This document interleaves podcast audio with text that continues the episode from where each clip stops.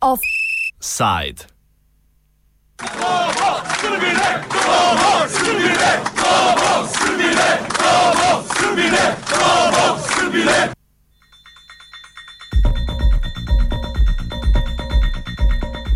Predsedniške volitve v Srbiji.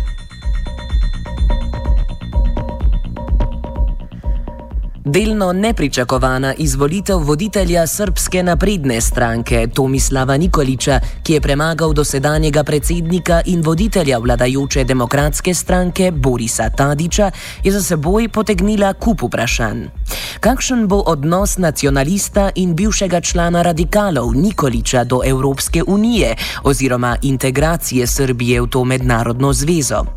Kaj njegova izvolitev pomeni za določene manjšine v Srbiji, ki se jim že zdaj godi slabo? Kaj bo s formacijo nove vlade, za katero je mandat dobila Tadičeva demokratska stranka, čeprav je Nikoličeva srpska napredna stranka dobila največ glasov na parlamentarnih volitvah, vendar pa na začetku niso našli zadostne podpore pri drugih parlamentarnih strankah? Jeziček na tehtnici bo srpska socialistična stranka, za katero je možno, da zna po Nikoličevi zmagi vstopiti v koalicijo z napredno stranko Srbije in demokratsko stranko Srbije Vojislava Koštunice.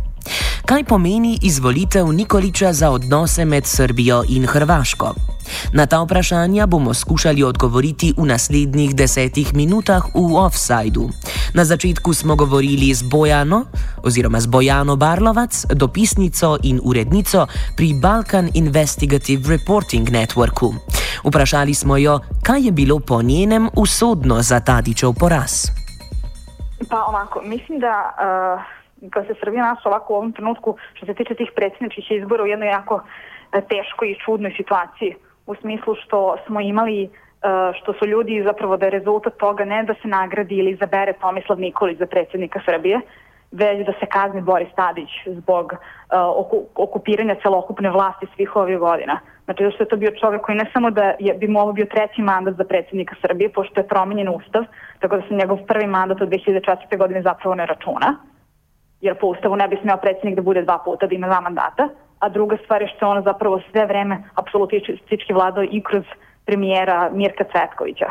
Tako da ta celokupna uzurpacija vlasti i na, s druge strane to što je bio zapravo uh, predsjednik i dalje svoje partije je dovela do toga da su ljudi zaista nisu mogli više da, da to izdrže i da nisu, znači nije bio izbor sada tu glasati za Tomislava Nikolića nego, nego poraziti i kazniti Borisa Tadića.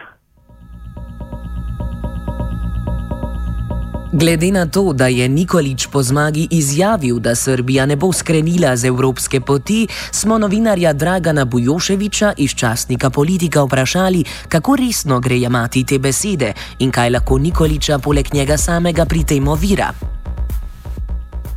Nikolič je rekel, da niko ne treba da sumnja u njegovo evropsko opredeljenje da će on nastaviti k tom putu, međutim on je sam doveo taj taj evropski put Srbije u pitanje kada je e, kad se dogovorio o, o podršci sa Koštunicom širom otvarajući vrata e, takozvanoj političkoj neutralnosti Srbije. Politička neutralnost Srbije znači da Srbija neće u, u, u Evropsku uniju i Tomislav Nikolić će u narednom periodu jako morati da dokazuje ljudima iz Evropske unije da je on na evropskom putu. Njegov problem će biti u tome što uh, jednostavno njegovo biračko telo nije za to sva istraživanja javnog mnjenja pokazuje da većina njegovih birača u stvari protiv Europske unije. Konačno juče kada je u noći kada je izabran uh, uh, ta partijska elita koja se okupila u prostorijama Srpske napredne stranke je klicala Tomo Srbine, što je takođe indikativno kao što je indikativno da njegovi uh, birači koji su slavili na ulicama nisu imali nijednu zastavu Europske unije,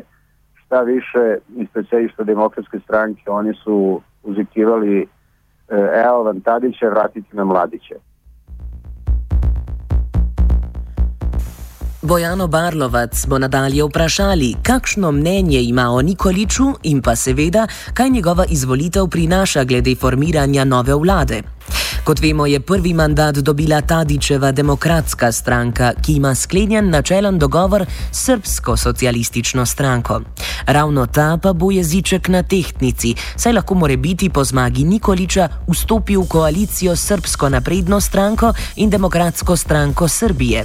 Torej ponovno bojana o Nikoliču in potem o formiranju nove vlade. Srbija je dobila predsednika koji uh, ima jako mutnu i vratnu prošlost. Mi se sad nalazimo u situaciji kada se plašimo, ja se lično plašim, kako će i šta će se dalje dešavati, iako znam da po ustavu on ima samo reprezentativnu ulogu. I da s druge strane, cela ta, taj njegov nacionalizam. I da zaista ne možemo da budemo sigurni i da mu niko, nisam sigurna da mu iko veruje u tim njegovim stavovima, ne samo po odnosu, u odnosu na, na susede, nego i u odnosu na Evropsku uniju, na njegove stavove prema Kosovu, na ekonomski program i na sve ostale stvari. A šta to znači za nadaljne formiranje vlade? Znamo da vladu sada formira demokratska stranka kao druga najjača, ali ona je dobila mandat. Može ovdje doći do nekih komplikacija, pošto je sada pobjedio Nikolić? E, pa to je druga stvar koja se plašimo, da. Zato što e, predsjednik države u ovom slučaju, znači Tomislav Nikolić, treba mandat za sastav vlade, za formiranje vlade da preda e, stranci koja osvojila najviše mandata na parlamentarnim izborima, a to je Srpska napredna stranka, tako da znači, on će svoj koleginici Jorgovanki Tabaković predati to i zato mi plašimo tog trenutka da li će Srpska napredna stranka moći da formira vladu. Iako je zvanično postignut dogovor između socijalista a, i demokratske stranke za formiranje, to nikad nije sigurno. Znači, naprednjaci mogu da formiraju vladu ukoliko Dačić odnosno socijalisti pristanu da, da formiraju s njima. A mene to od socijalista apsolutno ne bi iznadilo i čudilo da se oni predomisle ili naprave neki drugi ili bolji aranžman sa e, naprednjacima i formiraju sa njima vladu. I to je ono sad čega zapravo se najviše plašimo. Nikolič je po izvolitvi glede Hrvaške dejal, da ima še veliko dela, preden bo lahko odšel v Zagreb. Povedal je še, da za Srbe in Hrvate ni potrebno, da so bratje, in dodal, da bo kot predsednik osebna stališča pustil ob strani in gojil dobre odnose z vsemi. Za mnenje, kako bo izvolitev Nikoliča za predsednika Srbije vplivala na odnose med Beogradom in Zagrebom, smo poprašali filozofa Žarka Puhovskega. Po logici stvari, kad god na čelo neke institucije, pogotovo države, dolazi novi čovjek, počinje i neka vrst odnosa iz početka. Vidjeli smo to i kod država koji su u jako dobrim odnosima, kao primjerice Francuska i Njemačka sa nedanim izborom novog francuskog predsjednika. To će se dogoditi u Hrvatskoj, dakle bit će kraći zastoj u najmanju ruku.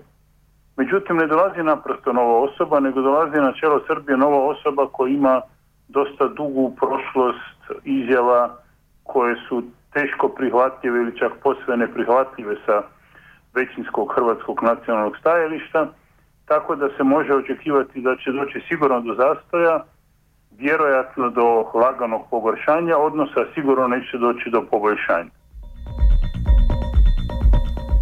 Kakšen pa je bil odziv na Hrvaškem po zmagi Nikoliča v Srbiji? Ponovno Puhovski. U osnovi nije bilo puno komentara, jer se u većini hrvatskih medija provlačio stav koji je zapravo i odlučio izbore u Srbiji, stav koji su zastupali mnogi srpski liberali ili recimo e, ljevičari, a koje glasio zapravo je sasvim svejedno tko je na čelu, iako je to po sudu potpuno pogrešan stav. I s druge strane, dijelu hrvatskih nacionalista, ali i dijelu pro-Evropska unija orijentiranih ljudi, odgovara pobjeda Nikolića, će to biti dodatni izgovor da se dižu skupa sa šengenskim normama veće prepreke između Hrvatske i Srbije.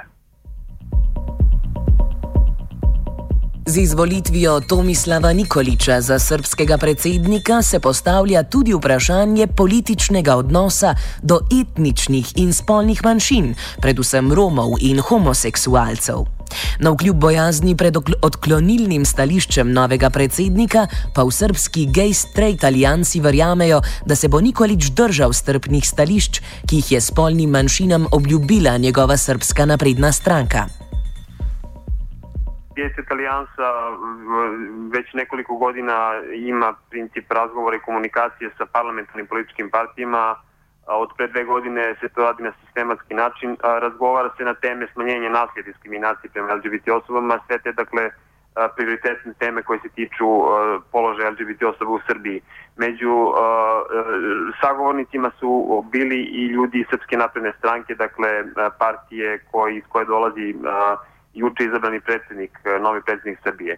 U tom smislu uh, mi smo imali konsenzus, dakle, tokom ovih godina uh, među svim političkim opcijama da su nasilje diskriminacije prema LGBT osobama neprihvatljivi i da se moraju oštro kažnjavati, kao i svako drugo nasilje, ako ne istrožije. U tom smislu mi ne očekujemo promenu tog stava koje je Srpska napredna stranka takođe imala. Trebalo bi da sve manje važno bude ko se bira na kojim izborima, dakle da li su to predsjednički, parlamentarni ili neki drugi i u tom smislu ne očekujemo ovaj, neke promene, ali vidjet ćemo prosto, ovaj, sada je ovo nova situacija za Srbiju, građane Srbije, za nas, za naše društvo, pa ćemo vidjeti kako će to funkcionisati u narednom periodu. Ukolikor bi Nikoličeva stranka sestavila tudi vlado, bi se po mnenju Bojane Barlovac pogoji za manjšine poslabšali. Ako Nikolić, kažem, ako Nikolić ostane samo predsednik sa svojom reprezentativnom funkcijom, to manjine neće nešto ugrožavati znači ni, ni LGBT osobe, niti bilo koje druge manjine u Srbiji. Ali ako, ako uspiju da formiraju vladu, to jest ako se to samo zavisi od socijalista, ako se socijalisti pridruže njima i Koštunicino i Demokratskoj stranci Srbiji zajedno formiraju vladu, mislim da će to biti veliki problem za, za sve manjine u Srbiji. Znači od etničkih albanaca na jugu Srbije, do Roma i posebno LGBT ljudi koji su se inače su, či, prema či, zapravo Nikolićeve stavovi prema njima su vrlo poznati. On je baš u TV duelu uh, pred, neposredno pred izbore, pred drugi krug rekao uh, oni su drugačiji ljudi, ali eto, trebalo bi da i oni imaju možda neka prava. O različnih vidikih izvolitve Nikoliča za predsednika Srbije so offside pripravili Urh, Nejc in vajenec Kožuh.